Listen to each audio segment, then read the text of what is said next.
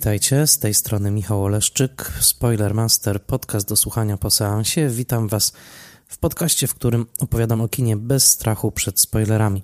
Zachęcam do słuchania odcinka po obejrzeniu filmu, ewentualnie przed, jeżeli nie boicie się spoilerów. W dzisiejszym odcinku biorę na warsztat film Juliana Schnabla pod tytułem Van Gogh u bram wieczności, który obecnie jest na polskich ekranach, dystrybuowany przez Against Gravity.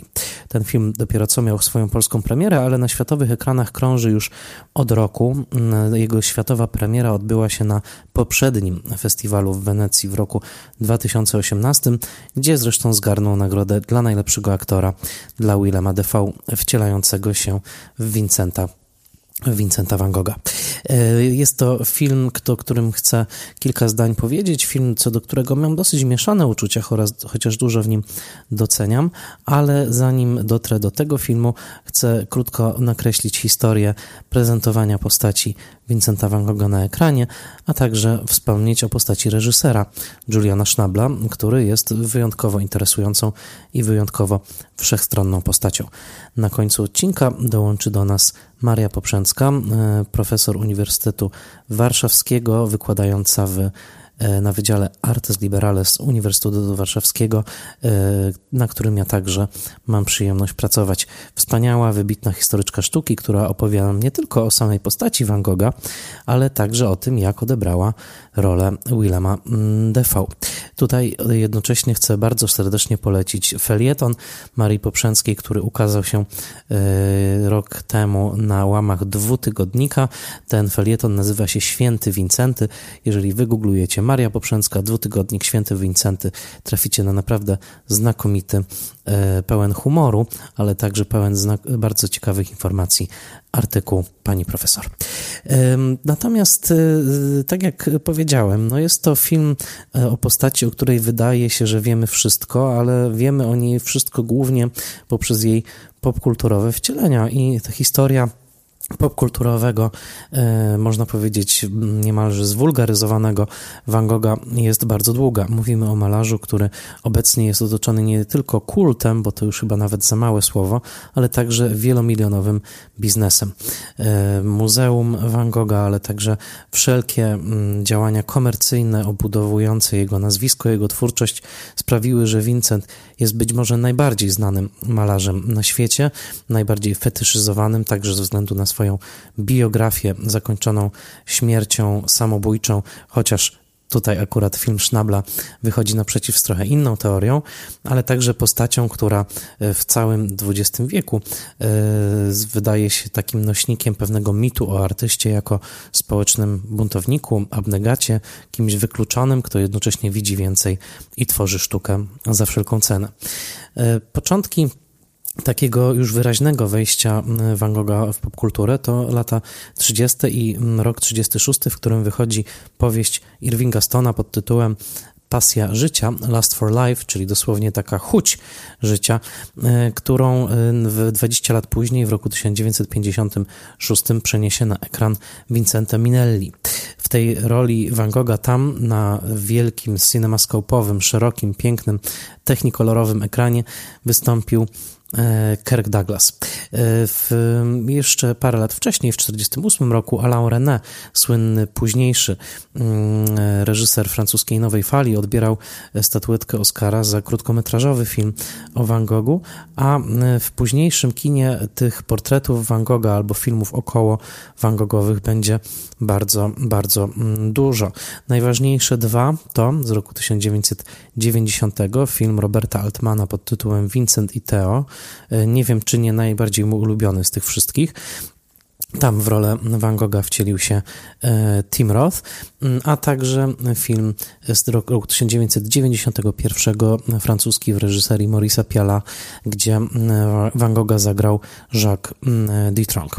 E, obok tego są filmy, które na różne sposoby tę postać e, przetwarzały, czasami w formie takiego wizualnego eseju, jak chociażby film Van Gogh z roku 1987 w reżyserii Paula Coxa, gdzie listy Vincenta i Theo czytał John Hurt, znany innymi z Człowieka Słonia, a także taka miniaturka jak jeden ze snów Akiry Kurosawy, ten słynny film z 1990 roku, w którym japoński mistrz zekranizował swoje własne sny. Ma także jeden sen Van Gogowski i tam w rolę Van Gogha wcielił się sam Martin Scorsese. Tych Tropów, tak jak mówię, jest sporo. Wszyscy y, pamiętamy nominowany do Oscara film Doroty Kobieli i Hugh Welchmana pod tytułem Loving Vincent, czyli Twój Vincent. Film, który mm, niebywałym wysiłkiem produkcyjnym niejako ożywił y, malarstwo y, Van Gogha i film, który jednocześnie, jak dla mnie, pomimo zdumiewającego osiągnięcia technicznego, był jednak artystyczną, artystyczną porażką, takim zbanalizowaniem już ostatecznym, wydaje mi się, tego malarstwa, przy całym ogromnym szacunku dla realizacji realizacji i, i, pracy, jaka w to weszła, no, wydawało się, że ten film jakoś przypieczętowuje, e, ożywiając właśnie obrazy Van Gogha na ekranie kinowym, e, tę długą, długą podróż kinowo-van Gogowską. Tymczasem e, już w roku 2018 następuje premiera filmu Juliana Schnabla e, i jest e, to film, który paradoksalnie, znając zamiłowanie Schnabla do różnego typu eksperymentów i jego przywiązanie do postaci buntowników, film stosunkowo tradycyjny.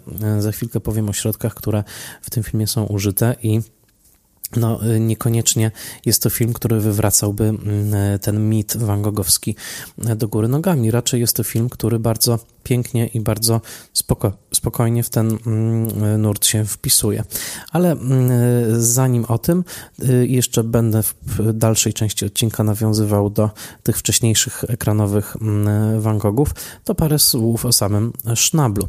Schnabel urodzony w roku 1951 na Brooklynie w Nowym Jorku, w żydowskiej e, rodzinie, e, która później wyemigrowała do Teksasu, po czym znowu Julian wrócił do Nowego Jorku i tam tam zaczynał swoją działalność artystyczną, jest jednym z najbardziej wszechstronnych artystów, jacy wzięli się w ogóle za kino. Próżno by szukać artystów, e, którzy maczali palce w tak wielu różnych dziedzinach sztuki, z których, pośród których jedną byłby, byłby film.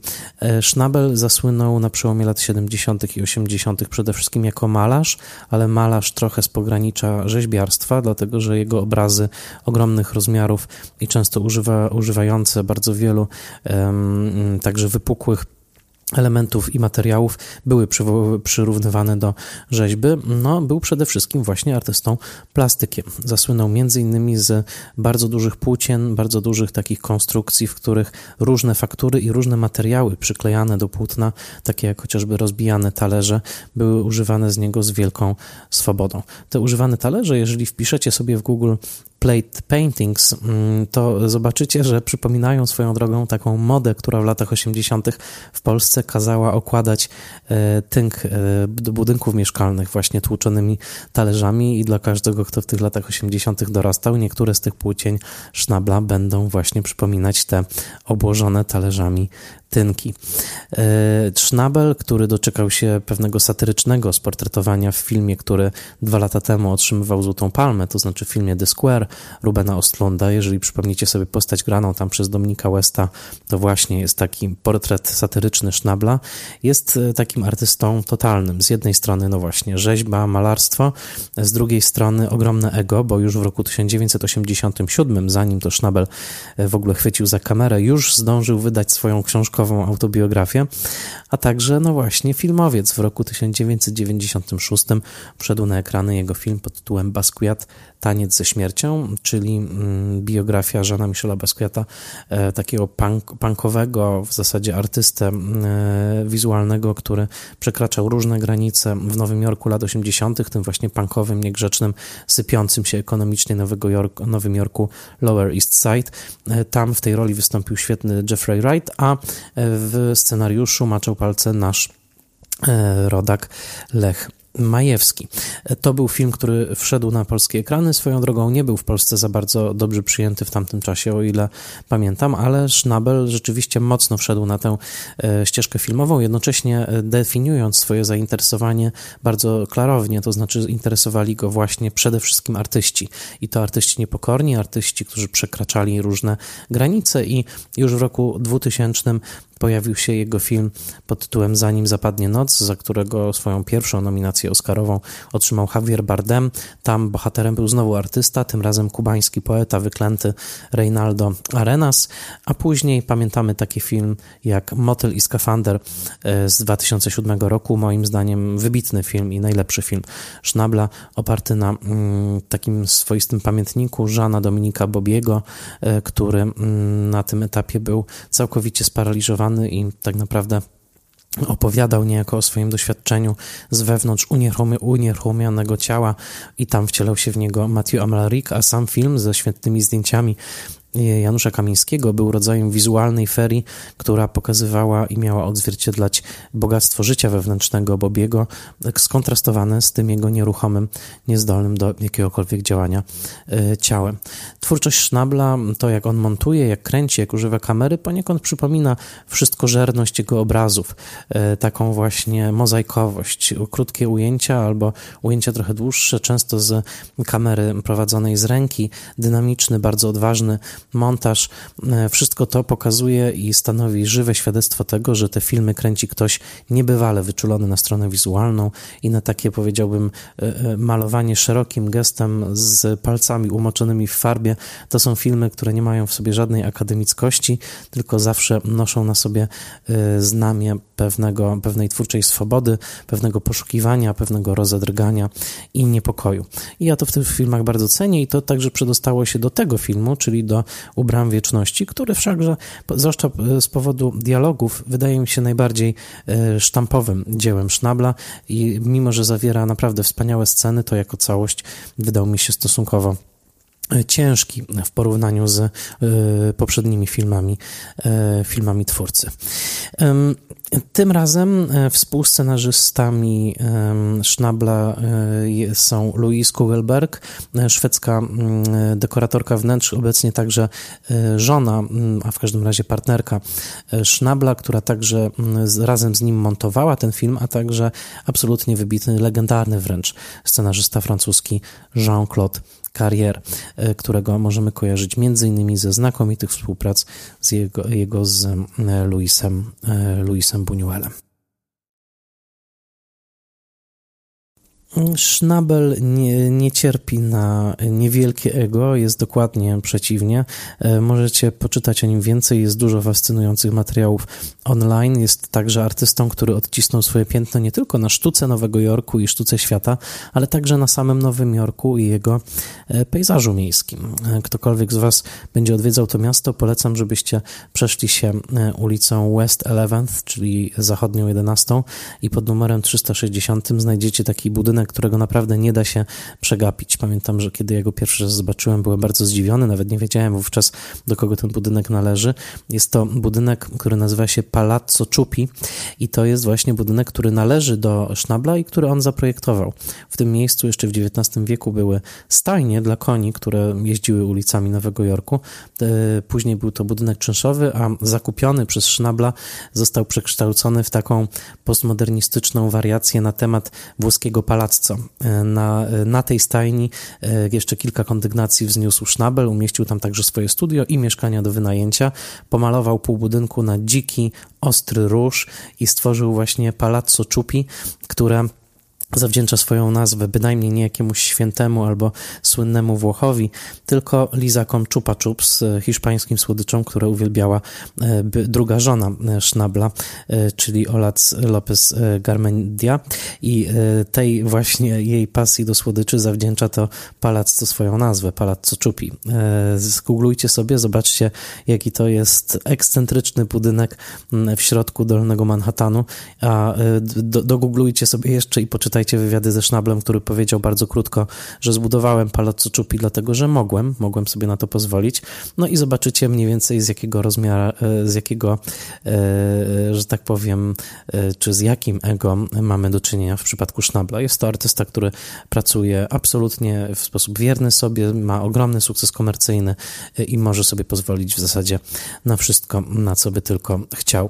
I fakt, że mm, Schnabel, który przecież na tym etapie etapie jest już dosyć wiekowy, bo ma 68 lat, sięga po Van Gogha, jest ciekawy i ciekawy też jest fakt, że sięga po twórcę tak mocno, zwłaszcza w tej jego wizji, umieszczonego w kontekście poszukiwania transcendencji, poszukiwania takiego parareligijnego, poszukiwania znaczenia w sztuce, które wykraczałoby poza nasz świat doczesny. Ten film opowiada o ostatnich miesiącach w zasadzie życia e, Van Gogha, spędzonych na, południu Francji, w świadomie wybranej biedzie e, i e, takich właśnie poszukiwaniach estetycznych, które my już znamy z poprzednich filmów o Van Goghu, zwłaszcza z filmu Mauricia Pialata, który skupiał się na, dokładnie na ostatnich dwóch miesiącach jego życia. I widzimy tutaj wszystkie w zasadzie klisze Van Goghowskie, to znaczy poszukiwanie idealnego światła, podróżowanie po polach i lasach z sztalugami na plecach i poszukiwanie tych najpiękniejszych możliwych ujęć mm, i tak dalej, i tak dalej. To wszystko tutaj jest, włącznie z odciętym uchem, e, z wyjątkiem właśnie e, słynnego samobójstwa, ponieważ tutaj Schnabel podąża za sugestią biografów Stevena Neifecha i Gregorego White'a, którzy w 2011 roku wydali swoją książkę biograficzną o Van Goghu, gdzie sugerowali, że żadne samobójstwo nie miało miejsca, a kula, którą wystrzelono, wystrzelono ją w trakcie głupiej zabawy mm, e, dwójki chłopaków lokalnych, którzy e, bawili się w kowbojów albo w jakichś innych rzezimieszków i w trakcie tej zabawy postrzelili Van Gogha. E, z tego, co czytałem w sieci, są tam przekonujące argumenty, na to między innymi taki, że Van Gogh nie mógłby przejść dwóch Mm, kilometrów o własnych siłach po postrzeleniu od tego miejsca, w którym rzekomo się postrzelił, więc podobno miało to miejsce troszkę gdzie indziej, także kąt, pod jakim został postrzelony, nie wskazuje na to, żeby on sam to zrobił i tak dalej, i tak dalej. Oczywiście teoria jest nie do sprawdzenia, natomiast jest przekonująca pewnie sama, e, sama w sobie. E, co zwróciło moją uwagę najbardziej w pierwszym momencie, kiedy zacząłem oglądać ten film, to absolutnie rzecz, na którą bardzo mało, mam wrażenie, recenzentów zwróciło uwagę, mianowicie wiek Van Gogha e, w, tym, w tej wersji. Willem Dafoe, grający tę rolę, ma 62 lata i wygląda na te 62 lata. Pamiętamy, że Van Gogh umarł w wieku lat 37 i poprzedni aktorzy grający tę rolę byli mniej więcej w tym wieku, no bo tak, Tim Roth grający e, w Vincencie i Theo miał 20 29 lat. Kirk Douglas w Pasji Życia miał lat 30. Jacques Dutronc u Maurisa Pialata miał lat 48, był najstarszym Van Gogiem ekranowym do tej pory. Natomiast tutaj ten ponad 60-letni, bardzo pomarszczony Willem Dafoe jest starym Van Gogiem i to wydaje mi się paradoksalne, jak na twórcę, który starości nigdy nie dożył. Mm, wydaje mi się, że tym bardziej możemy mówić o odbiciu mm, samego Schnabla w postaci Van Gogha. To jest Van Gogh taki, jakim czuję go w tym momencie, już przecież właśnie po 60 znajdujący się, znajdujący się mm, Van Gogh. Druga rzecz jest taka, że ta pasja malowania tutaj, to Last for Life, które było u Stone'a i Minellego, tutaj na, nabiera chwilami bardzo konkretnych i też niepokojących kształtów. Już pierwsze ujęcie, w którym Van Gogh de facto nabagu, nagabuje e, spotkaną e, pasterkę mm, i chce ją namalować, a w jej oczach maluje się strach. Jednocześnie my patrzymy e, oczami Van Gogha, więc podchodzimy jakby kamerą bardzo blisko do niej. Wygląda prawie na scenę napastowania seksualnego, a przynajmniej jakiegoś takiego właśnie nagabywania bardzo dwuznacznego, które ma w sobie pewien przemocowy charakter i to Y, połączone ze sceną, w której y, Van Gogh odgania bardzo brutalnie grupę dzieci, które nabijały się z jego obrazów, tworzy takie no, ciemne podbrzusze tego filmu i ciemne podbrzusze całego tego, y, tego mm, portretu. Willem Dafoe nominowany za tę rolę do Oscara, zresztą tak jak kiedyś Kirk Douglas był nominowany do Oscara za swoją. Swoją drogą to, to też jest taki, taki rys, że sporo aktorów było nominowanych za rolę malarzy, bo Jose Ferrer przecież za Toulouse-Lautrecha w filmie Moulin Rouge, tym starym Moulin Rouge, a Ed Harris za Poloka. Tutaj kolejna prawie Oscarowa, prawie Oscarowa rola, której ta intensywność spojrzenia Defoe, którą znamy przecież z wielu jego ról, także tych Chrystusowych, W Plutonie metaforycznie Chrystusowa rola, a dosłownie Chrystusowa w ostatnim kuszeniu Chrystusa. To wszystko tutaj jest niebywale intensywne i bardzo podobały mi się wszelkie sceny, w których Van Gogh tutaj milczy, w których y, Schnabel pozwala Van Goghowi milczeć, zbliżając się kamerą do niego z takim wahaniem, jednocześnie rozedrganiem. Kamera jest bardzo blisko takich prozaicznych czynności, jak chociażby zdejmowanie butów, przygotowywanie się do snu, ale także w momentach, kiedy ręka Van Gogha kreśli w notatniku szkice, ewentualnie maluje. Jest tutaj pewna taka nabożność w podejściu do tych gestów i y, autentyczne zainteresowanie, które połączone z niektórymi ujęciami, tutaj pięknie uchwyconymi przez operatora Benoit Delomego pokazują prawdziwe umiłowanie Schnabla do światła, do koloru, do kompozycji, które rzeczywiście bez dwóch zdań zbliża go do wrażliwości e, Van Goghowskiej. Natomiast ogromny mój problem w tym scenariuszu y, dotyczy dialogów. Dotyczy dialogów, które często są niebywale deklaratywne, czy to w tych rozmowach z Polem Gogenem, którego tu gra Oscar Isaac, czy w wielu innych rozmowach, jakie tu się pojawiają, zwłaszcza tych filozoficznych. Mam wrażenie, że powtarzanie tych wszystkich myśli o malarstwie, o poszukiwaniu prawdy, które na tym etapie stają się jednak komunałami, jest, było rzeczywiście potrzebne. Mam wrażenie, że jednak, że jednak nie. Y, jest tutaj trop zagubionego notatnika, w zasadzie notatnika odnalezionego znalezionego po latach, który także z tego, co czytałem w sieci, jest podważany przez znawców jako fałszywka, ale jednak wokół tego notatnika i wokół tego, że rzekomo patrzymy na y, Van Gogha właśnie w takim procesie tworzenia y, w sposób intymny, y, no na tym buduje cały film Schnabel. To znaczy jest tutaj scena, w której bohaterka grana przez Emmanuel Senie wręcza mu właśnie taki pusty notatnik w oczekiwaniu, że on go zapełni i on rzeczywiście on w trakcie filmu go zapełnia. Tam odbywa odbywa się także ciekawa rozmowa na temat Szekspira, bo e, Van Gogh czyta Ryszarda III, sam przyznając się, że nie wszystko rozumie, ale że to dobrze, bo on lubi rzeczy nie rozumieć. Ten wątek szekspirowski, także postać Ryszarda, e, czyli jednego z najważniejszych czarnych charakterów w historii literatury jest interesująca, bo pokazuje, że Van Gogh jest zainteresowany kwestiami dobra i zła i czyni z niego także taką figurę parareligijną, która w tym filmie jest bardzo wyrazista i która też jest ważna w kontekście twórczości i postaci samego Van Gogha, bo wystarczy obejrzeć naprawdę świetny i tu polecam dokument dostępny na stronie Arte pod tytułem Van Gogh Superstar. E, tam historycy mówią o tym, jak głęboko wierzącym Calvinem był e, Van Gogh i jak bardzo przywiązywał wagę do kwestii religijnych. Także warto do tego, e, do tego zajrzeć. Także mamy tutaj film, który z jednej strony zachwyca tą warstwą obrazową, z drugiej strony e, na pewno warto go docenić ze względu na rolę e, Willema Dafoe. Ma także przepiękny soundtrack, dostępny także na Spotify'u. Polecam e, kompozytorki, która nazywa się Tatiana Lisowskaja. Taki piękny, uparty, trochę może Filipo Glasowski soundtrack skomponowany przez nią. Naprawdę, naprawdę fantastyczny. Więc film de facto piękny, ale także wywołujący moje sprzeczne sprzeczne, e, sprzeczne odczucia, e, podejmujący tematykę filozoficzną trochę na wyrost, jednocześnie nie do końca ufający tej materii czysto wizualnej, czysto filmowej, która tak wspaniale przesądziła o sukcesie motyl, Motyla i Skafandra e, kilka lat temu. A teraz posłuchajmy, co do powiedzenia o filmie i o samym Van Goghu ma Maria Poprzęcka, profesor z Wydziału Artes Liberales Uniwersytetu Warszawskiego czym i kim jest Van Gogh dla historyka sztuki, tak naprawdę. E, kiedy zedrzemy e, e, tą, to całe sreberko kultu, marketingu, przemysłu wincentowskiego, kim on w takim razie by był? No mogę mówić tylko za siebie.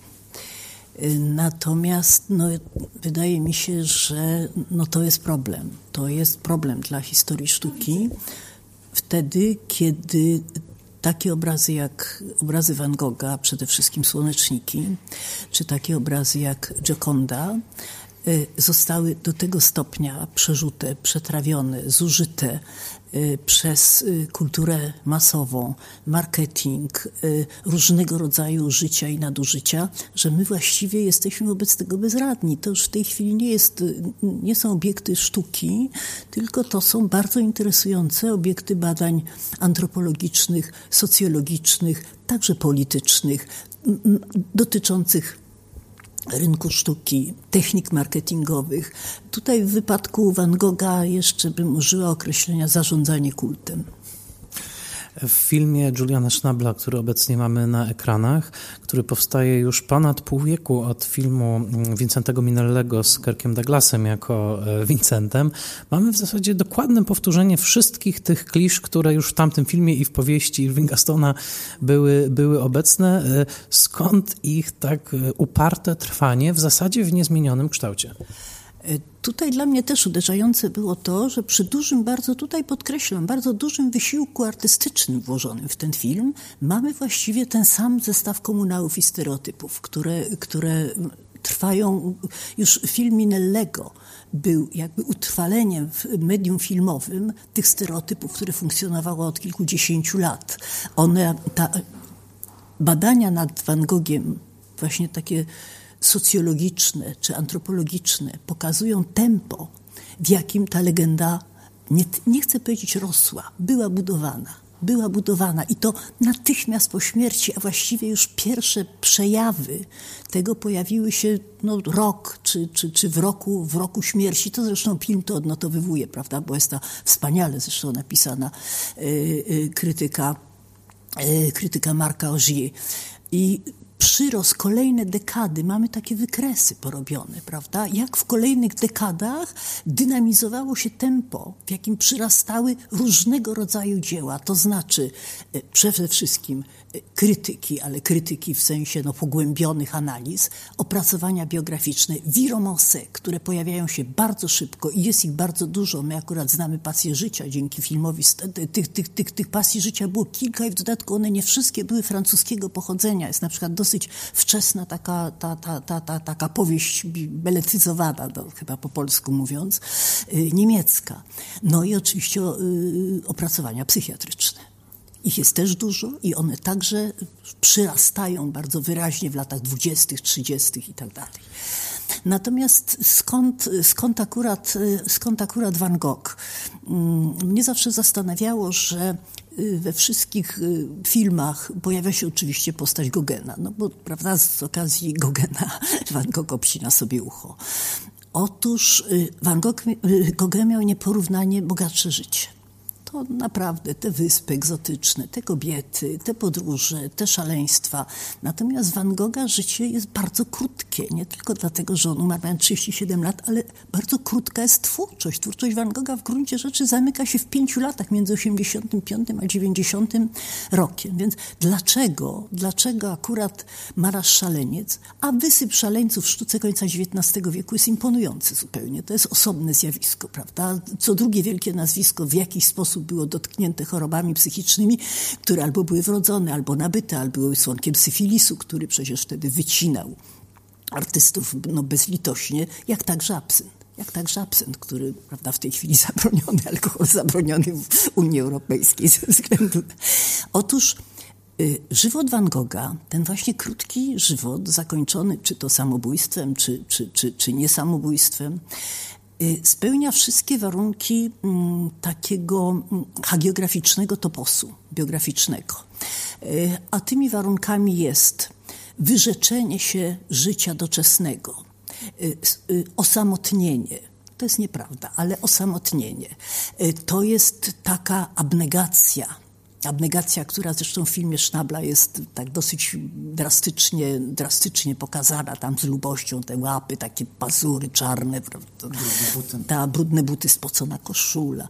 I e, więc właśnie taka abnegacja, która jest zewnętrznym objawem jakby takiego oderwania się od, od życia doczesnego, a w każdym razie od wszystkich jego małości codziennych.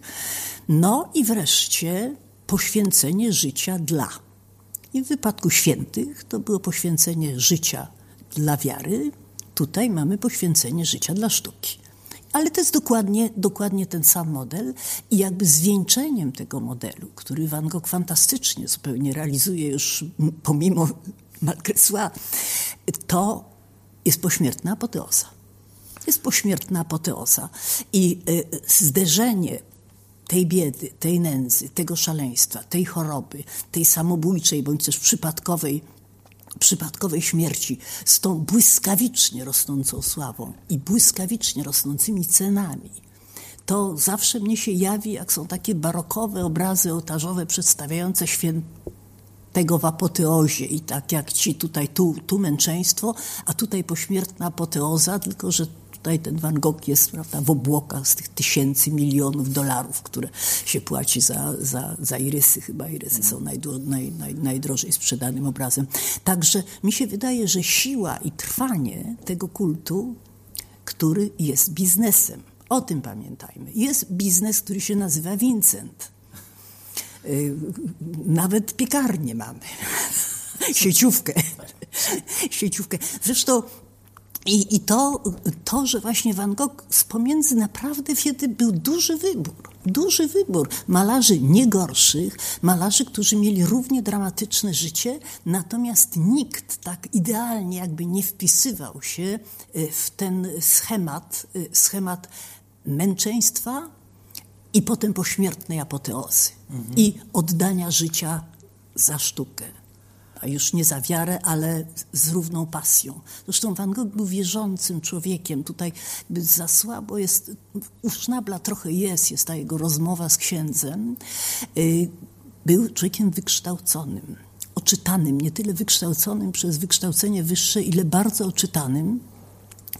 Był wierzącym Kalwinem co jest całkowicie pomijane jakby w tych, w tych, w tych y, takich popularnych, y, popularnych ujęciach biograficznych i na przykład jako pobożny Kalwin wiedział, co to są pieniądze. I korespondencja z Teo, która jest wspaniała, ona jest w dużym wyborze, dawno, bardzo temu opublikowana po polsku w przekładzie i wyborze Joanny Guze. Ona była bardzo szybko, to też jest znamienne, bardzo szybko zaczęto y, publikować tą, y, tą korespondencję, zaskakująco wcześnie, jak ze względu na jej no bardzo intymny charakter, bo on tam czasami pisze o bardzo intymnych rzeczach.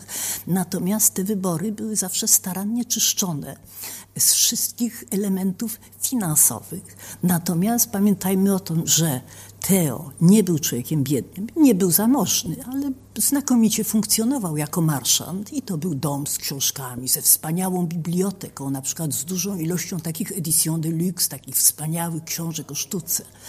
Otóż e, no, Teo go utrzymywał, wiadomo, i nie ma listu Van Gogha którym nie ma mowy o pieniądzach. Ale właśnie to zostało jakby scenzurowane, wytarte, bo właśnie to nie pasowało. Nie pasowało do tej abnegacji, do tego całkowitego jakby zaniechania hmm. wszystkich, poza alkoholem oczywiście i kobietami, wszystkich takich no, przyziemnych, doczesnych spraw. Film Sznabla zaczyna się sceną, w której Teo przysłuchuje się rozmowy, rozmowie ówczesnych artystów o pewnym modelu ekonomicznym, w którym oni mogliby funkcjonować, pewnej kooperatywy, jak to tam zostaje określone, ale w zasadzie później e, on odcina się od właśnie takich przyziemnych trosk, prawda? To jest, to jest kwestia kogoś innego, jakby funkcjonować ekonomicznie.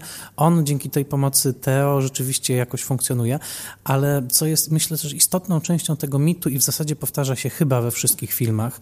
I teraz pytanie do ciebie jako historyczki e, sztuki, to jest to, co też wzięte jest ze świętych i, i, i ze złotej legendy wręcz e, średniowiecznej, czyli niezrozumienie za życia, tak? że, że oni odtrącenie. I czy... od, y, od, odtrącenie przez otoczenie, z tym, że tutaj to jest jeden z elementów tej tragicznej, y, tej tragicznej historii, prawda, tego żywotu świętego, żywota świętego, natomiast ta sytuacja odtrącenia społecznego była dla XIX-wiecznych artystów sytuacją dosyć częstą, która potem zresztą także została marketingowo spożytkowana w tworzeniu różnych czarnych legend. Najlepszym przykładem są impresjoniści, którym, prawda, w nieskończoność przypominano kilka głupich, głupich dziennikarskich recenzji że małpa by tak potrafiła i tak dalej. I to budowało właśnie tę, tę, tę, tę legendę odtrąconych, podczas kiedy impresjoniści bardzo sprytnie, prawda, ponieważ ich odrzucano z oficjalnego salonu, no to zamiast biadać i wieszać się prawda, z rozpaczy przed nieukończonym płótnem, tak jak bohater dzieła Zoli, oni założyli kooperatywę.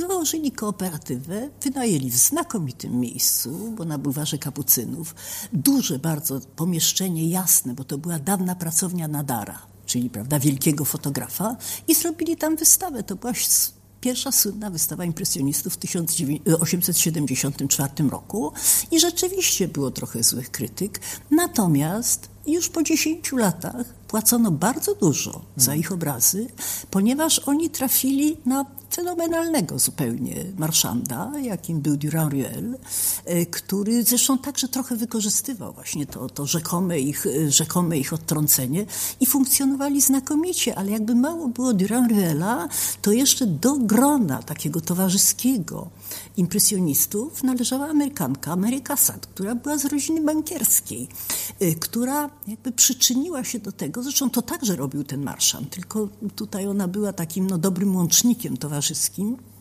że to malarstwo bardzo szybko zaczęło być sprzedawane w Stanach Zjednoczonych za bardzo przyzwoite pieniądze, a ono tam się podobało, ponieważ gust amerykański nie był tak obciążony tradycją akademicką, tradycją salonową i tak dalej. Oni rzeczywiście nie potrzebowali wielkich płócien, które by przedstawiały sceny historyczne, mitologiczne. Nikt nie wiedział, co tam chodzi. To było...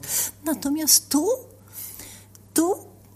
kobietki, pieski, śliczne krajobrazy. Słońce. Paryż, Paryż, prawda? Ten Paryż. I tutaj kariera finansowa impresjonistów była naprawdę bardzo, bardzo szybka. Natomiast jednym z elementów, prawda, budowania tej kariery było to, że na początku, prawda, ośmieszani, wykpiwani, biedni bardzo i tak dalej. Bardzo wielu malarzy na początku było biednych, no. Mhm.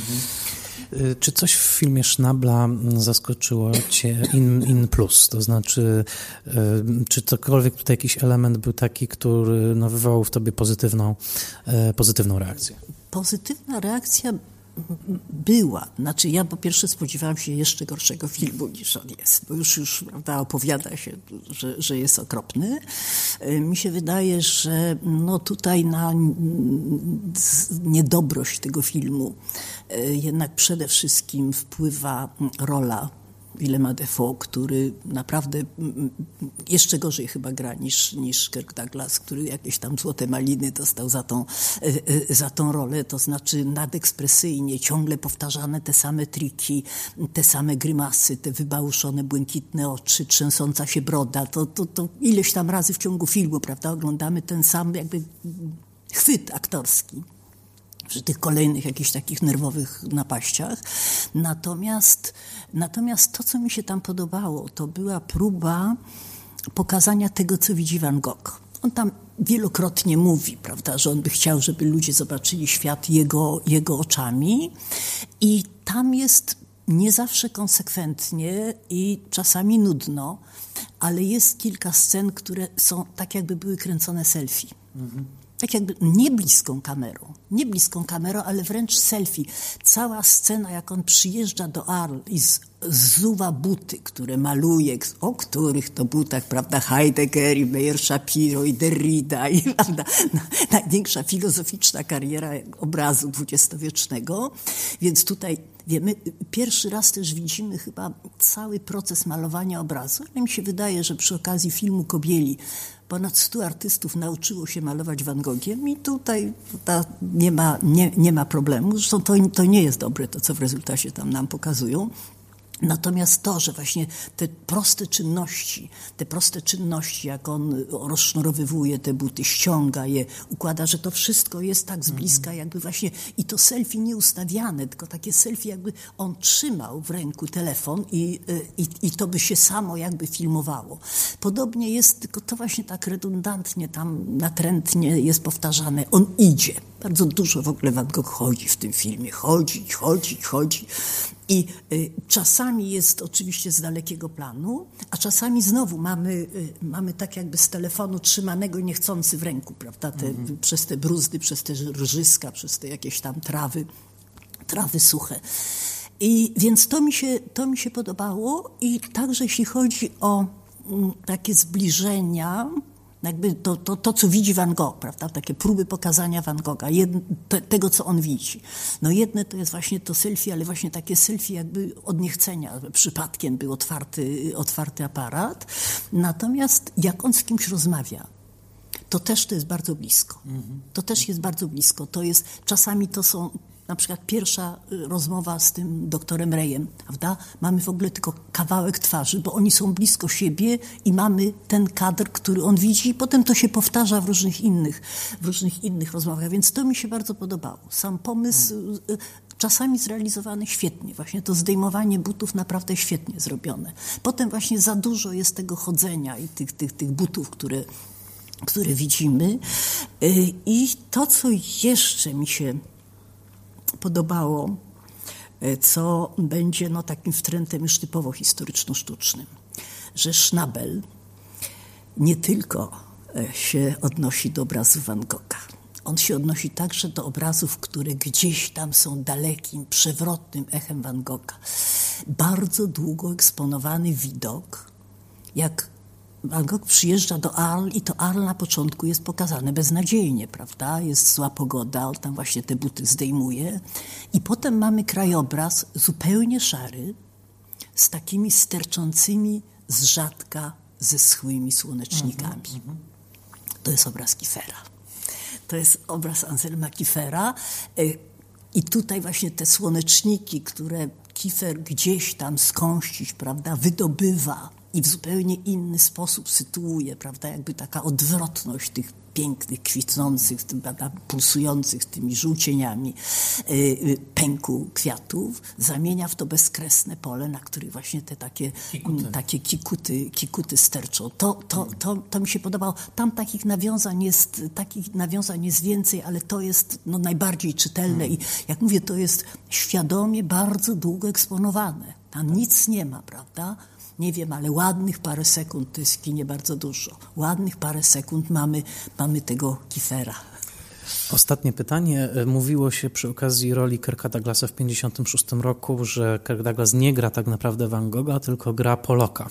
Że ta ekspresja, to te ciągłe takie y, przemieszczanie się po ekranie w jakiejś konwulsji, że on gra tak naprawdę powojennego amerykańskiego malarza w typie, w typie Poloka, który wówczas także w tej swojej męskiej energii tak był taki eksponowany. Pytanie, czy ten y, Willem Dafoe Anno Domini 2000 18-19, czy w ogóle możemy na niego spojrzeć jako na zakamuflowany portret współczesnego artysty? Czy odnalazłaś tu jakikolwiek okruch e, myślenia o współczesnej pozycji artysty? Nie, także ja bym jakby nie, nie skojarzyła filmu, bo Polok y, był filmowany już, prawda, jak on tam się miota i leje tą farbę y, po, po rozłożonych płótnach na, na, na, na ziemi w tej stodole, to ja bym tego nie, nie skojarzyła. Zresztą bardzo dawno widziałam film Minellego i wtedy, no byłam, nie wiem, w szkole, ale już wydał mi się wtedy okropny i książka wydała mi się okropna. Natomiast, ale byłam zawsze uczulona na Wiromosę. Ja, ja lubię, że tak powiem, no fiction. I y, y, także, także, także wtedy, kiedy mówimy o sztuce, także wolę no fiction, dlatego tak reklamuję listy Van Gogha jako trutkę na, na to wszystko, co, co, co, co, co oglądamy. Natomiast tu nie, po prostu mi się wydaje, że w tej chwili te modele artystów najbardziej sławnych to jest zaprzeczenie takiego chorego, neurotycznego, y, nieskoordynowanego w ruchach, y, toczącego prawda, dzikim spojrzeniem. Nic podobnego. My teraz mamy takich gości jak Jeff Koons, który żeni się z Ciccioliną, czyli gwiazdą filmów porno i z nią kręci film Paradise. Czy artystów, którzy no, bardzo pięknie mówią, jak na przykład Boltański, który bardzo pięknie. Y, ci artyści sławni są filmowani, są z nimi wywiady, y, są bardzo medialni. Są wszyscy bardzo, bardzo, bardzo medialni. Właściwie no nie ma szansy teraz y, gdzieś, żeby się w tej pierwszej dziesiątce znalazł artysta, który nie jest, nie jest, nie jest medialny prawda? Czy wszystko jedno, czy to będzie Aniszka Pług, czy to będzie y, y, Jan Fabr, mój ukochany artysta, czy to będzie już, y, już tutaj wspomniany Jeff Koons, prawda, król, król kiczu. Oni wszyscy są po pierwsze we władzy swoich, swoich agentów, swoich galerii, którzy mają, które mają nad nimi ogromną władzę finansową i które odpowiadają za ich marketing i za ich y, wizerunek. I w tej chwili to są wizerunki jednak produkowane na użytek y, rynku sztuki który obraca gigantycznymi pieniędzmi. Musimy o tym pamiętać, że tutaj cały czas rzecz idzie o bardzo wielkie pieniądze. Dlatego mało kto może sobie pozwolić na jakieś nieskoordynowane, nieprzewidziane choroby, takie choroby, których się nie da sprzedać. Wiadomo, jakie były problemy, jak artyści zaczęli chorować na AIDS. Prawda? To, to był problem bo AIDS jednak była chorobą y, degradującą straszliwie. Dosłownie i przenośnie była degradująca. I ani takiego pokazać, ani powiedzieć, że on jest chory na AIDS, no bo to znaczy, że jest, prawda, pedałem i narkomanem, y, to, to, to, to był wielki problem, problem wizerunkowy. Natomiast, jak mówię, w tej chwili to są, to są kreowane bardzo starannie, starannie wizerunki i być może mamy do czynienia z artystami, którzy są wariatami, neurotykami i tak dalej, tylko że oni Y, gdzieś tam są w, w swoim cichym zakątku. Czyli zmierzch abnegacji z jednej strony, a z drugiej strony gdzieś może tęsknota za nią jako za historycznym artefaktem, tak? Znaczy abnegacją, takim wyłączeniem się z nurtu życia, jeśli chodzi to o znaczy, artystę. Y, y, no, nie ma oczywiście takiej cyganerii, jaka, jaką była cyganeria fantasieklowa Zresztą już bunt przeciwko takiej fendesieklowej dekadenckiej, e, dekadenckiej e, cyganerii e, przyniosły wielkie awangardy, prawda? Picasso, który się stylizował na boksera i robociarza, czy, czy Delaunay, który fascynował się lotnictwem i, i, i się fotografował w lotniczych, w lotniczych kombinezonach i czapkach. Była wtedy moda na macho, na człowieka silnego, wysportowanego, higieniczny tryb życia i tak dalej, prawda, żadne absenty, żadne syfilisy, nic z tych rzeczy. Natomiast, y, natomiast w tej chwili y, w tej chwili na pewno wśród różnych, bo to są bardzo różne jednak, no, nie wszyscy nie mogą być tacy sami, yy, bardzo różnych wizerunków, które się tworzy artystom, raczej choroba nie, także choroba psychiczna też raczej nie. Biedanie. Też. Naszym gościem była profesor Maria Poprzęcka z Wydziału Artes Liberales Uniwersytetu Warszawskiego. To wszystko w tym odcinku Spoilermastera. Bardzo dziękuję Wam za słuchanie i jednocześnie przypominam, że wciąż dostępne są naklejki Spoilermastera. E, już dużo ich się rozeszło. Bardzo dziękuję wszystkim, którzy wyrazili zainteresowanie, ale jeszcze dużo ich jest. Także jeżeli prześliecie na mój adres michal.oleszczyk.gmail.com swój adres domowy, ja bez żadnych kosztów wyślę Wam naklejkę i moja jedyna prośba jest taka, aby sfotografować ją już naklejoną i wrzucić do mediów społecznościowych z linkiem do mojego mojego fanpage'a Spoilermaster. Bardzo Wam dziękuję i do usłyszenia za tydzień.